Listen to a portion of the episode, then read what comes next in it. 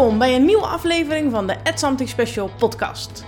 Dit Eerlich is een eh, GZ-psycholoog en naast haar werk heeft ze verschillende boeken geschreven voor zowel ADD als ADHD.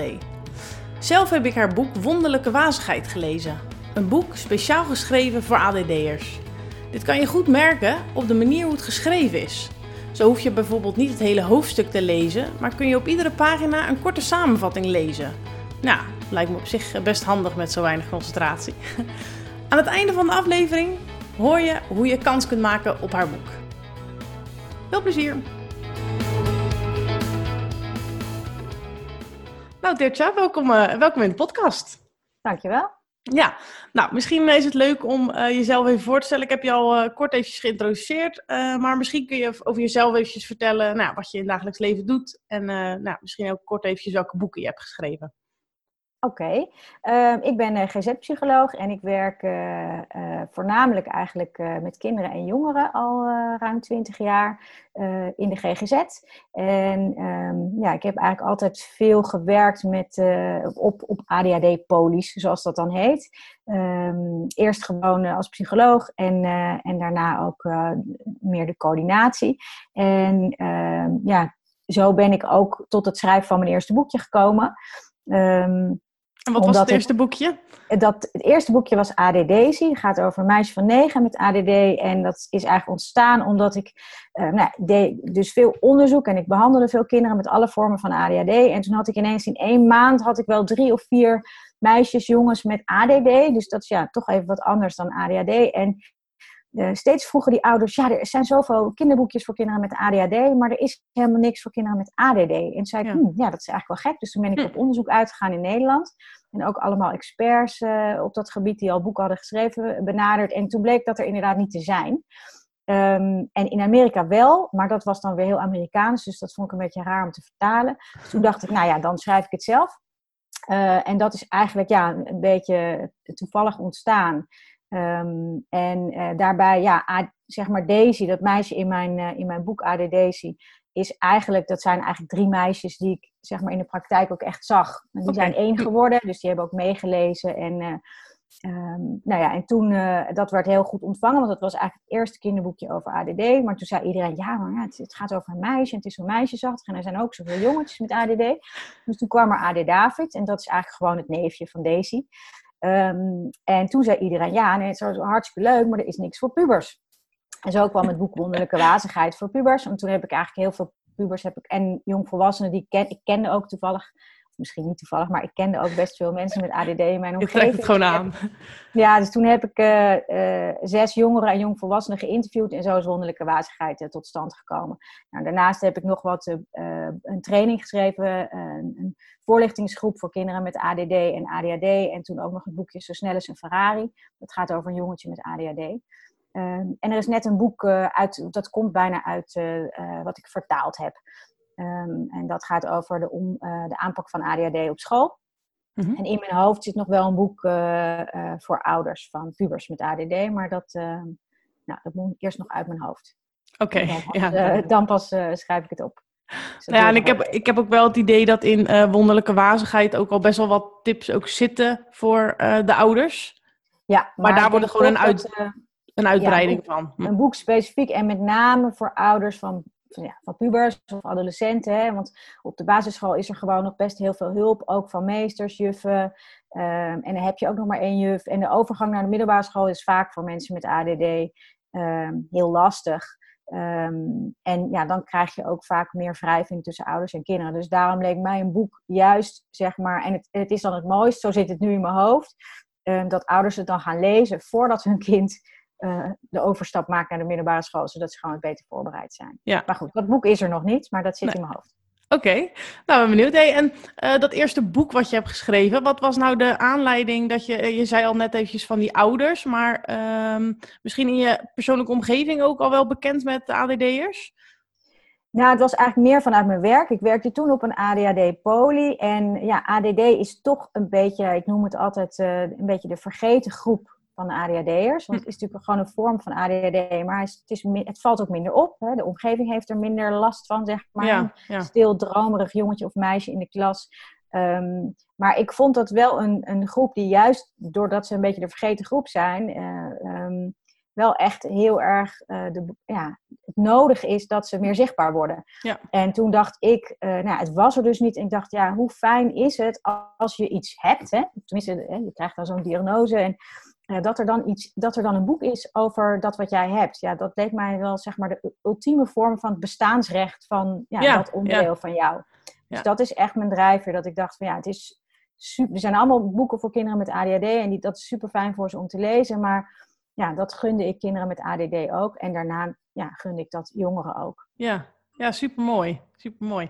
Uh, nou ja, ik heb hier zelf ook het boek uh, Wonderlijke Waarschuwheidsvormen. Um, misschien ook wel, uh, ik vind het echt een fantastisch boek. En natuurlijk is dat makkelijk om te zeggen, omdat jij nu tegenover mij zit. Maar nee, ik, ik vind dit echt een aanrader voor iedereen met ADD.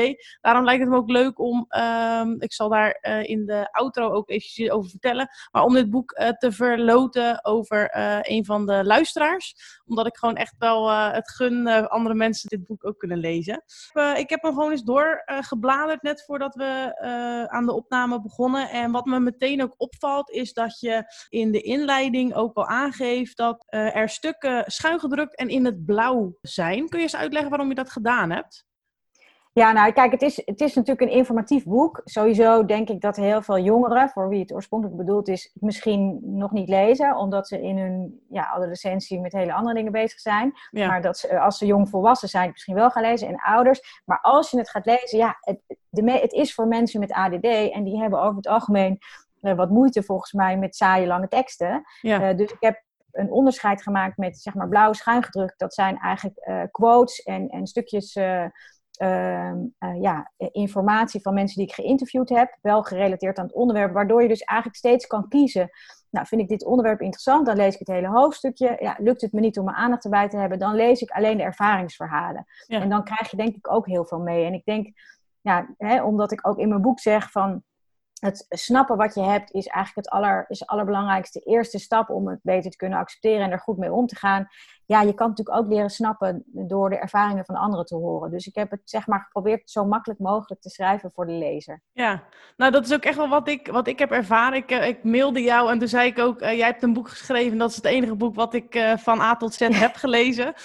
wat, wat voor gevoel het in ieder geval bij mij oproept, is dat het lijkt alsof de schrijver, jij, uh, snapt hoe ik in elkaar zit. En uh, op een of andere manier motiveert dat om juist te denken: oh, je, je ziet waar ik moeite mee heb, maar mij motiveert het juist om het toch te proberen. En omdat het inderdaad natuurlijk stof is waar ik me. Uh, nou ja, waar ik op kan levelen en wat over mij gaat, ja, had ik inderdaad wel echt het idee van, hé, hey, dit, dit moet ik lezen. Even kijken. En dan, uh, als we een beetje verder bladeren, dan staat ook nog een keer de cover van jouw uh, boek op een pagina. Uh, misschien voor de mensen die de eerste aflevering niet hebben geluisterd. In mijn eerste aflevering vertel ik wat voor werk ik doe. En dat dat gerelateerd is aan de cover, waar dus een man staat in een, nou ja, als luchtverkeersleider die dus de chaos kwijt is. Ja, zoals je kunt horen was ik hier ook even de chaos kwijt. Ja, nou, ga verder. Ja, en er komt nu ook een motor voorbij. Top. Uh, nou, daarover leg ik dan uit dat in mijn uh, werk juist het overzicht in de chaos uh, er juist wel is. Als je dan kijkt naar wat je erbij zet, ADD en werk, hoe kijk je daarnaar? Wat, wat, wat een ADD'er dus echt nodig zou hebben in zijn werk?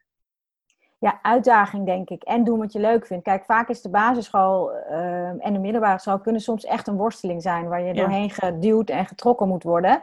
En afhankelijk van uh, ja, je interesses is, ligt het ene vakje beter dan het andere. Ja. Um, en bij ADD is het zo, kijk, ik, officieel staat het voor Attention Deficit uh, Disorder. Ja, dus een aandachtstekortstoornis. Ik vind dat eigenlijk ook niet een goede term. Het zou eigenlijk een aandachtsregulatieprobleem moeten heten.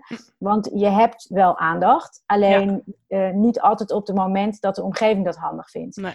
Ja, dus het is meer dat je moeite hebt om je aandacht goed te reguleren. Ja. Um, en met name, hè, want er zijn ook vaak misvattingen dat ik ouders krijg die zeggen: ja, maar mijn kind kan wel heel lang geconcentreerd, nou ja, gamen of uh, knutselen. Dus ja, het kan toch geen ADD hebben? En dan probeer ik uit te leggen, ja, wat ik net zei, uh, maar dat ADD dus eigenlijk meer is, ja, dat het, je hebt een concentratieprobleem op het moment dat de interesse er minder is of op het moment dat je iets lastig vindt. En juist dat is denk ik hoe je het later kan gaan gebruiken als kracht. Dat als je doet wat je superleuk vindt. Ik, ken dus bijvoorbeeld ook best veel psychologen met ADD en ADD. Mm Dat ik denk, hè, maar die zijn op het moment dat ze hun studie gingen doen, ja, dat vonden ze superleuk. Dus die literatuur, die, ja, die zogen ze op. En uh, toen zaten ze in hun hyperfocus. En ik denk, de, zeg maar de problemen die op de voorkant van mijn boek staan, van ja, je zou eigenlijk het hoofd van iemand met ADD als een slechte bestuurbare verkeersdoren kunnen zien, dat is op het moment dat datgene wat ze moeten besturen of de informatie ja, die er is, ze minder boeit. En dan lukt het ze gewoon niet zo goed om al die nou, executieve functies, zoals dat heet, dus uh, je aandacht goed te bewaren en je prioriteiten te stellen en op te starten en langer door te gaan. Dat lukt dan niet zo goed. Maar als je iets doet zoals jij in de meldkamer, dat vind ik fantastisch als je iets doet wat je helemaal geweldig vindt, dan, ja, uh, dan kan je het wel heel goed. Ja, goed uitgelegd. Ja. Dank. Ja, hey, en uh, dan als we wat verder bladeren in je boek, dan uh, is daar een alinea over de positieve kanten van ADD. Ja. nou, wat je daar inderdaad ook zegt, hè, de creatieve kant, nou, die, die voegt echt wel een hoop toe. Wat is nou in jouw werk, bijvoorbeeld bij de kinderen die je die, spreekt, wat zie je daar nou echt als speciaals bij hun? Wat hebben die kinderen nou allemaal? Ja, dat vind ik lastig om te zeggen, omdat, ik, kijk, iedereen is uniek gewoon wie die is. En ADD mhm. is iets wat je erbij hebt, zeg maar. Ik vind niet dat je ADD bent, maar je hebt het erbij. Ehm, maar ik denk een soort een stuk out of the box denken, zoals dat dan populair heet. Uh, dat veel mensen met ADD dat wel hebben. Dus dat ze juist, ja, je moet het een beetje voorstellen van, ja, je, je kan van A naar B, zeg maar via de hoofdweg, maar je kan ook van A naar B via allerlei landweggetjes. Hm. En uh, dan uh, onderweg kom je vaak veel meer nieuwe gedachten en ideeën tegen. En dat zie ik wel vaak bij jongeren, uh, kinderen, mensen met ADD, dat juist doordat ze een soort van ongestructureerd denken, zeg maar, dus hm. van A naar C naar D naar X naar Y en dan pas naar B, mm ja, kom je dus onder, onderweg wel op nieuwe ideeën. Ja. Dus dat out of the box en, uh, ja, en ook oplossingen op een creatieve manier bedenken. Ik denk dat dat echt een kracht is. Ja, want dat zie je dus echt al bij die kinderen ontstaan, zeg maar. Ja. ja. Ja. leuk. Ja, ik kan me dat wel inderdaad ook herinneren hoor. Als uh, kind zijnde dat je dan uh, echt ook wel als mensen gewoon dat ze echt dachten, hoe kom je daar nou bij als kind? En nou, zelf weet je dan natuurlijk nog niet helemaal waar dat door komt. Maar nu kan ik inderdaad wel echt, vooral ook met dat associatieve brein, weet je, als je dan een woord hoort, dat je daar gelijk weer drie andere woorden bij denkt. En uh, daardoor weer op een zijspoor komt. En dan na vijf minuten denkt, oh ja, maar ik was met A en B bezig. Dus laat ja, ik En dat is dan, hè, de omgeving ziet vaak, uh, ja, maar dat was niet de vraag, weet je wel. En dan eh, vaak in je eigen associatieve denken vergeet je ook de vraag. Dus dat is waar de omgeving dan iemand met ADD even moet helpen. Oké, okay, super cool, maar laten we ook weer even terug naar de vraag. Want dat is vaak wat ze zelf dan niet meer weten. Dat is helemaal niet erg. Maar dan kom je dan wel weer op met elkaar. Ja. Hey, en uh, op een gegeven moment schrijf je ook dat de, de drie dingen, als je dus net te horen hebt gekregen dat je ADD hebt, dat, ja, dat kan natuurlijk best wel eventjes een impact hebben in je leven. Uh, eh, ADD snappen en accepteren, uh, medicatie overwegen en aanvullende behandeling eventueel kiezen. Oplossingen verzinnen. Okay, oplossingen ja. verzinnen. Ja, zullen we die drie stappen eens um, doornemen en dat jij eens gewoon vertelt van hé, hey, dat zou je op die manier het best kunnen doen. Dus dan, nou, laten we beginnen met ADD snappen en accepteren. Wat, wat voor tips heb je om dat proces dus goed te laten verlopen? Um, ja, eh, eh, mijn boekje lezen, nee, dat is natuurlijk heel flauw om te zeggen. Maar en dat, eh, ik, dat zeg ik ook eigenlijk niet zozeer omdat ik zelf vind dat het moet, maar wel omdat mensen zoals jij met ADD echt vaak zeggen: ik, ik snap mezelf beter daardoor. En ik heb dus eh, zes mensen geïnterviewd. Dus je hebt niet één verhaal, maar van verschillende mensen hoe het voor hen is. Um, kijk, kijk, als een diagnose wordt gesteld. Ik heb ook in het uh, boek wat uh, de boek, het vertaling die nu uitkomt over omgaan met ADHD op school, hè, waarbij ik ADD zie als onderdeel van ADHD, mhm. heb ik ook een quote toegevoegd. Dus die was niet van de schrijver, maar die vond ik zelf belangrijk. En dat is: uh, Diagnosis is not a label, it's a key to the door of understanding. Waar ik eigenlijk mee wil zeggen, weet je, een diagnose is niet, daar hangt iets heel negatiefs over. Heel veel ouders, eh, maar ook volwassenen, ja, die hebben een hekel aan, ja, maar dan heb ik een label en dan ben ik gestigmatiseerd. Terwijl ik zie het meer als ja, letterlijk de sleutel om jezelf beter te begrijpen of om vervolgens ook aan de omgeving te kunnen uitleggen Ehm, ja, hier worstel ik mee, dit vind ik lastig. Het is geen onwil dat ik niet reageer op je appjes, maar ja, ze, gaan gewoon even offline. Hè? Dus uh, help me daarmee of iets dergelijks. Um, dus wat, en ik, ja, en, maar goed, zo'n diagnose krijg je natuurlijk vaak wel van een psycholoog of een psychiater. Dus dat is eigenlijk de eerste informatiebron waar je hoop ik, uh, en dat is ook als, als het een goede behandelaar is, is dat ook het eerste wat de uh, behandelaar gaan doen. Jouw ja. psycho-educatie, dus meer leren over wat ADD is. Um, dus de, nou ja, je, de, psycholoog, psychiater is je eerste bron. Je hebt ook lotgenoten. Je hebt bijvoorbeeld de stichting um, Impuls en Woord Blind. Wat ik een hele mooie stichting vind. vind die is echt voor uh, ja, mensen met onder andere... Ja, en met dyslexie dan woordblind. Maar ook met uh, uh, ADD en ADHD. En die hebben ook een mooie website. Um, ja, er zijn meer interessante websites. Er is ook nog een andere stichting ADD. Mm -hmm. die, dat, dat is ook een fijne website. Um, en ja, dus internet, maar dat is dan wel ja, handig om aan je behandelaar te vragen van welke websites zijn betrouwbaar en welke niet. Ja. Maar deze twee, uh, in mijn boekje staan, staan er ook allemaal uh, tips daarover. Uh, dus dat is een tweede bron. Ehm, ja, lotgenoten, dat hoort dus bij die stichting um, Impuls en Word Blind. Um, en er meer over lezen, denk ik. En ja, dan, dan ben je denk ik al een heel, heel eind. Ja, dat je ook door die lotgenoten waarschijnlijk het gevoel hebt van... hé, hey, ik ben niet de enige die hiermee struggelt en hoe ga jij hiermee om? Dat je, weet je, dat gevoel van... Ja, ja. die herkenning. Ik denk ja. dat dat is ook waarom ik al die boekjes heb geschreven... en waarom ik ook hartstikke blij ben dat, dat jij iemand met ADD dan ook zegt van... ja, ik heb echt het gevoel dat de schrijver me snapt. Dan denk ik, oh, fijn, weet je. Want dat, er was helemaal niks voor mensen met ADD. Ik nee. noem het niet voor niets de vergeten groep. Dus dat dat jij nu kan lezen, oh ja, maar weet je, ik ben niet dom of lui of gek of stom. Dit is gewoon hoe het een beetje werkt in mijn brein. En dat is net anders. En daar is niks, weet je, dat is niet goed of fout. Maar nee. het is wel fijn om te weten. Zeker. Uh, om vervolgens inderdaad die andere stappen te kunnen maken. Ja, ja, ja. En het volgende stapje is dan uh, medicatie overwegen. Uh... Ja, en dat heb ik bewust, zeg maar, dat staat dan in mijn boek, kun je natuurlijk nu niet zien, overwegen tussen haakjes. Ja. Uh, want niet iedereen uh, heeft baat bij medicatie. Niet iedereen wil dat. Maar, uh, en daarom heb, ik het, heb ik ook ervaringsdeskundigen betrokken bij mijn boek. Hè. Als je, nou, dat, jij hebt het boek gelezen.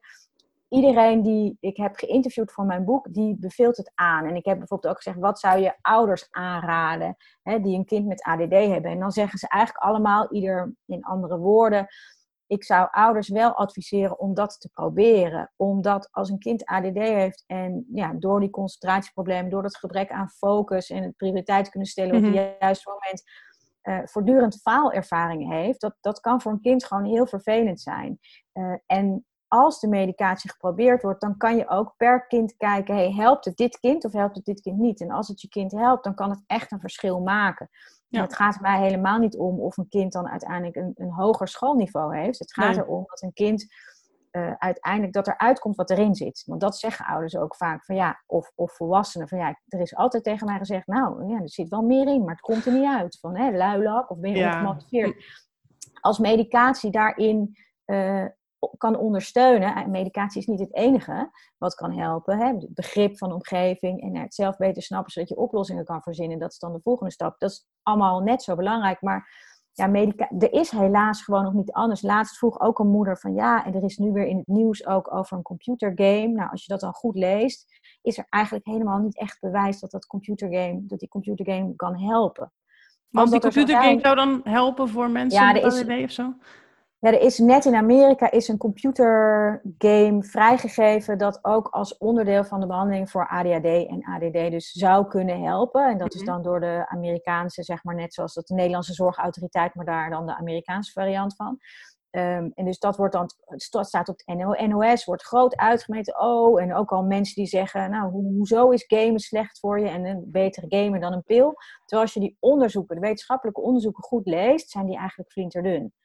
Is er eigenlijk geen bewijs voor. En ik zou de eerste zijn die op het moment dat er een game is waarmee jij en alle andere mensen met ADD zich beter kunnen concentreren op momenten dat het even niet lukt, nou, dan zou ik de eerste zijn die zegt, ga dat doen. Alleen dat is gewoon niet zo, weet je. En het, ik zie het ook wel echt als, weet je, je doet het niet expres. Het is, op dat moment lukt het jouw hersenen niet. En nee.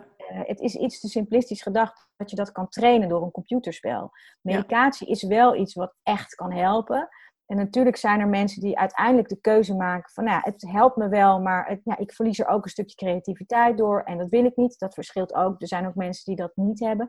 Ik ken ook mensen die zeggen als er informatie uit mijn hoofd moet, dus als ik moet brainstormen en ideeën, dan gebruik ik het niet. Maar als er informatie in mijn hoofd moet, dus als ik een college heb of een boek moet lezen, dan gebruik ik het wel. Kijk, als volwassene kan je daar goed mee spelen Zeker. zelf. Ja. En ja. helaas, kinderen op de basisschool en op de middelbare school, daar moet natuurlijk vooral informatie in dat hoofd. Ja. Nou, als je dat kan optimaliseren door medicatie te gebruiken en dan natuurlijk wel medicatie die goed past bij het kind, zonder allerlei bijwerkingen, dan nou, en niet zozeer ik, maar dan zijn alle mensen die ik heb gesproken over ADD, eh, die adviseren dan probeer dat. Dus daarom is dat stap 2, maar wel tussen haakjes hè, overwegen, omdat Ja. het gewoon niet, niet voor iedereen hoeft en, en niet voor iedereen bevalt, zeg maar. Nee, nee, duidelijk. En eh, in je boek schrijf je dan ook dat een Ritalin en een eh, Concerta, dat dat wel vaak de eerste variant is die wordt voorgeschreven en daarna pas een, een variant als Stratera, die ik bijvoorbeeld zelf gebruik. Ja.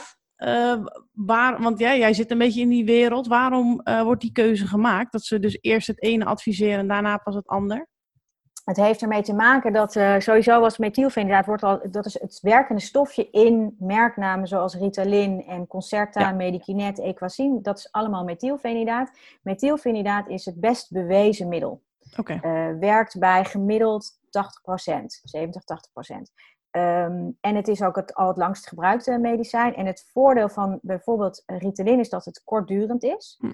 Ehm, dus als je het uitprobeert en je hebt wel allerlei bijwerkingen, dan is het ook snel weer uit je systeem. Ja.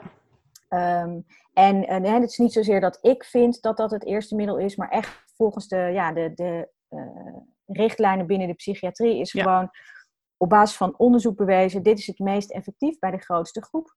Dus daar wordt mee begonnen. Als voordeel vind ik dan dat het kortwerkend is. Dus ja, als het niet werkt, dan is het ook zo snel weer echt zeg maar, uit, je, uit je loopbaan. Ehm, en dan is het, het tweede middel is eh, eh, dexamfetamine. Omdat dat, dat daarna het best bewezen medicijn is. Eh, en Stratera is daarna het best bewezen medicijn. En ja, jij bent misschien, ik weet niet of je meteen begonnen bent met Stratera, maar misschien Nee, heb je wel eerst die andere Ja. twee gedaan. Ja. En werkte dat bij jou minder goed? Nee. Of had je, minder, had je te veel bijwerkingen? En dan ja, ga je eigenlijk een, een stapje verder. Dus dat is meer iets wat je ook echt samen met een psychiater, dat vind ik wel heel belangrijk. Er zijn ook soms huisartsen die dat ja, zomaar uitschrijven. Ik vind dat je moet echt wel goed onderzoek laten doen. Dus je moet het goed laten vaststellen door specialisten. Dat is echt in een specialistische GGZ. Door psychologen en psychiaters. Dan moet je de medicatie, als je dat gaat instellen, in overleg met een psychiater doen die daar veel verstand van heeft. En als het eenmaal goed is ingesteld, ja, dan, kan je, dan kan het overgedragen worden naar de huisarts. Ehm, en Stratera, wat jij gebruikt, dat is eigenlijk weer een ander medicijn. Dat werkt ook net even op, op andere, nou, dat, dat is te ingewikkeld voor nu, maar op, op andere eh, neurotransmitters, dus Ja, stofjes in ja. de hersenen. En dat is een medicijn wat je niet aan en af kan slikken. nee, nee, Eh, zeker niet. Dus dat, ja, en, en, eh, en het duurt ook wel wat langer voordat je merkt of het werkt. Want je moet echt een soort spiegel opbouwen. Ehm, nou ja, en, ehm, eh, en dat kan ook heel goed werken. Maar als die andere middelen eerder al werken, ja, dan, Ja. dan hoeft het niet. En Nee, dus ook nee. ja, voor ieder verschillend. Duidelijk. Nou ja, stap drie is dan inderdaad aanvullende behandeling. Ehm nou, ja, Ja, oplossingen verzinnen heb ik het genoemd, volgens mij. Oké. Oplossingen bedenken. Ik moet even spieken zelf in, in mijn eigen boek. Ehm, kan het natuurlijk zo snel niet vinden. Nee, maar ik weet het wel zeker. Het is oplossingen verzinnen. Ja, dus stap 1 is hè, snappen en accepteren dat je ADHD of dat je ADD hebt.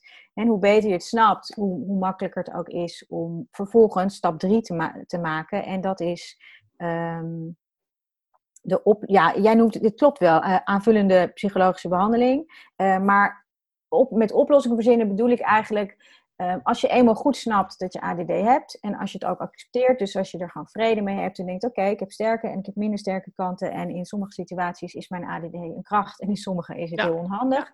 En dan met name als het onhandig is, ja, daar moet ik dan oplossingen voor gaan proberen te bedenken. Ja. Ehm, eh, en dat kunnen oplossingen zijn in de zin van, nou ja, ik heb aan, hè, op sommige, voor sommige delen van mijn leven heb ik medicatie nodig bijvoorbeeld.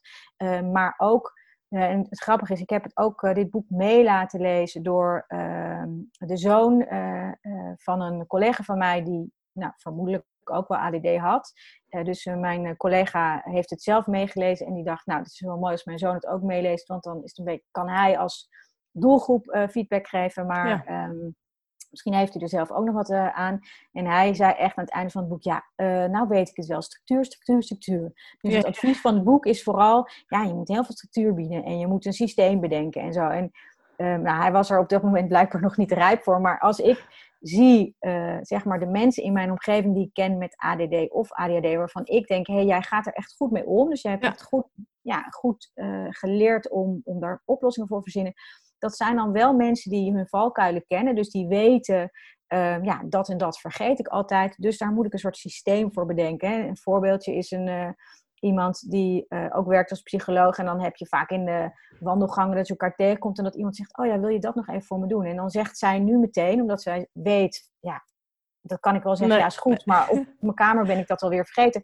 Zet het op de mail. En zij is heel gestructureerd met haar mail en dan zet oh ze dat allemaal in haar agenda. Dus dat is, ze heeft haar eigen valkuil leren kennen.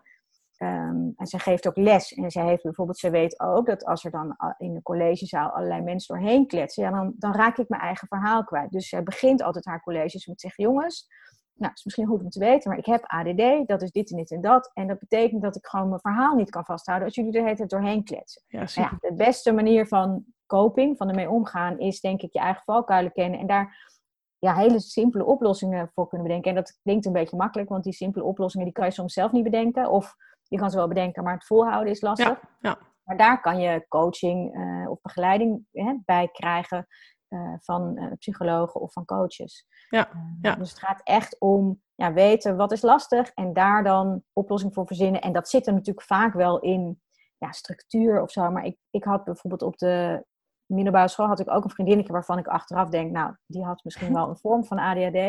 Nou, los daarvan, in ieder geval, die, die vond opruimen verschrikkelijk en het kon ze niet, maar af en toe moest het mhm. van haar ouders. En dan uh, uh, belde ze mij en zei ze, kom je langs, want ik moet opruimen. En dan hoefde ik verder niet mee te op te ruimen, maar ik zette een muziekje aan en we kletsten. En ze maakten het opruimen gezellig, waardoor het ineens lukte. Ja, ja. dus ja, het kan ook, uh, je kan, als je, ja, je, de lastige dingen moet je wat makkelijker maken voor jezelf. Soms met hulp van anderen. Ja, ja dat herken ik ook wel hoor. Ik heb, uh, ik heb van die uh, uh, oortjes die dus niet bedraad zijn, AirPods. En ik kan dan inderdaad ook echt een uur met mijn zus bellen. En zij zit dan waarschijnlijk gewoon op de bank met mij te bellen. En ik heb ondertussen de, de was opgevouwen en ik ben in de badkamer bezig. En dan ja, is het voor mij echt een soort stimulans dat aan het einde van het gesprek heb ik en lekker bijgekletst en, ik, en mijn huis is weer glad of zo. Dus ja, ja dat is dus je moet zoeken wat werkt voor jou. En dit is blijkbaar jouw manier om de stomme, saaie klusjes wat aangenamer te maken. Ja, ja. ja. ja en, daar staat het boek eigenlijk wel vol van, hè, met allerlei tips. Maar en, en lang niet alle tips zijn voor iedereen nuttig. Maar ja, je moet het in die zin ook een beetje als een lopend buffet zien. Van nou, kijken waar, en welke tips heb ik wat aan? Of hey, ze brengen me op een idee om een soortgelijk iets in een andere situatie te gaan bedenken. Ja, ja, ja, ja. Nou, je hebt al best wel heel erg veel eh, tips gegeven en daar staat inderdaad je boek ook wel vol mee. Toch uh, vraag ik in iedere aflevering wel aan iedereen van, hey, wat wil je nou echt meegeven aan iemand uh, met ADD? Gewoon eens als, als, of als tip of als even een hart onder de riem. Of wat zou je meegeven aan de luisteraars? Um, nou dan, ja, uh, er is een, uh, bij de boekjes ADD en AD David heeft een uh, vriendin van mij heeft een lied gemaakt over voor kinderen met ADD. hartstikke leuk. Het is op, trouwens op iTunes, Spotify en zo. ADD-lied kan je zoeken van Hanna Borst. Ehm, maar in dat, in dat liedje staat ook, is ook een refreintje van, um, niet heel goed uit mijn hoofd, maar in ieder geval daar is de, de, de, de boodschap is, joh, weet je, ook al heb je ADD, je doet gewoon lekker mee dus ADD is iets, ja, soms is het lastig, maar denk nooit dat je minder kan of uh, dat je dingen niet kan, want je kan alles. En ik maak ook de vergelijking in de boekjes ADD, zie AD David. Of als je mensen vergelijkt met auto's, dan zijn mensen met ADHD vaak Ferraris. Die kunnen super snel, maar die vliegen ook wel eens uit de bocht en zo. Dus die moeten een beetje beter leren remmen. En als je ADD hebt, dan ben je wat mij betreft eigenlijk een Ferrari met een dieselmotor. En een dieselmotor, ik weet niet heel veel van auto's, maar net genoeg eh, die komen vaak wat langzamer op gang. Maar als je eenmaal op gang bent, en nou ja, zoals jij bijvoorbeeld, als je dan in je hyperfocus schiet, ja, dan kan je heel veel, al dan niet meer dan iemand zonder ADD. Dus dat is denk ik mijn belangrijkste boodschap. Weet je, je, je, je kan alles en misschien wel meer. Dus leer ja, je ADD ook als een soort kracht te zien. Ja, super mooi. Ja, ik zal het uh, linkje naar het lied ook wel eventjes uh, bij de beschrijving zetten van de aflevering. Misschien is dat ook wel leuk om, om mee af te sluiten, dat ik daar inderdaad ook eventjes naar verwijs, dat mensen dat op kunnen zoeken. Nou, in ieder geval, ja, je weet er gewoon superveel van. ik weet niet of je het prettig vindt, maar zouden luisteraars, als ze eventueel een vraag hebben aan jou, jou ook kunnen benaderen? Ja, dat mag. Ik weet niet of ze dan onder de podcast, ik weet niet hoe dat werkt, dat ze vragen kunnen stellen en dat jij die naar mij door ja, dat is goed. stuurt. Ja. Mm Oké, leuk. Dat mag. Nou ja, we, we kijken met spanning uit naar een nieuw boek. Is er al iets bekend over... Nee, dat boek wat ik zei voor ouders van, van uh, pubers, dat zit echt nog in mijn hoofd. Dus dat uh, duurt nog wel een paar jaar. En het boek wat straks uitkomt, die je hebt vertaald? Ja, dat heet Omgaan met ADD op school. En dat mm verschijnt 1 juli. Oké, leuk. Nou, ga ik daar ook eventjes een linkje van plaatsen. Nou, ik wil je in ieder geval hartelijk bedanken voor je kennis en, en je info. En nou ja, misschien spreken we elkaar nog wel eens. Ja, graag gedaan en heel veel succes nog. Ja, dankjewel. Fijne dag. Doeg. Doeg.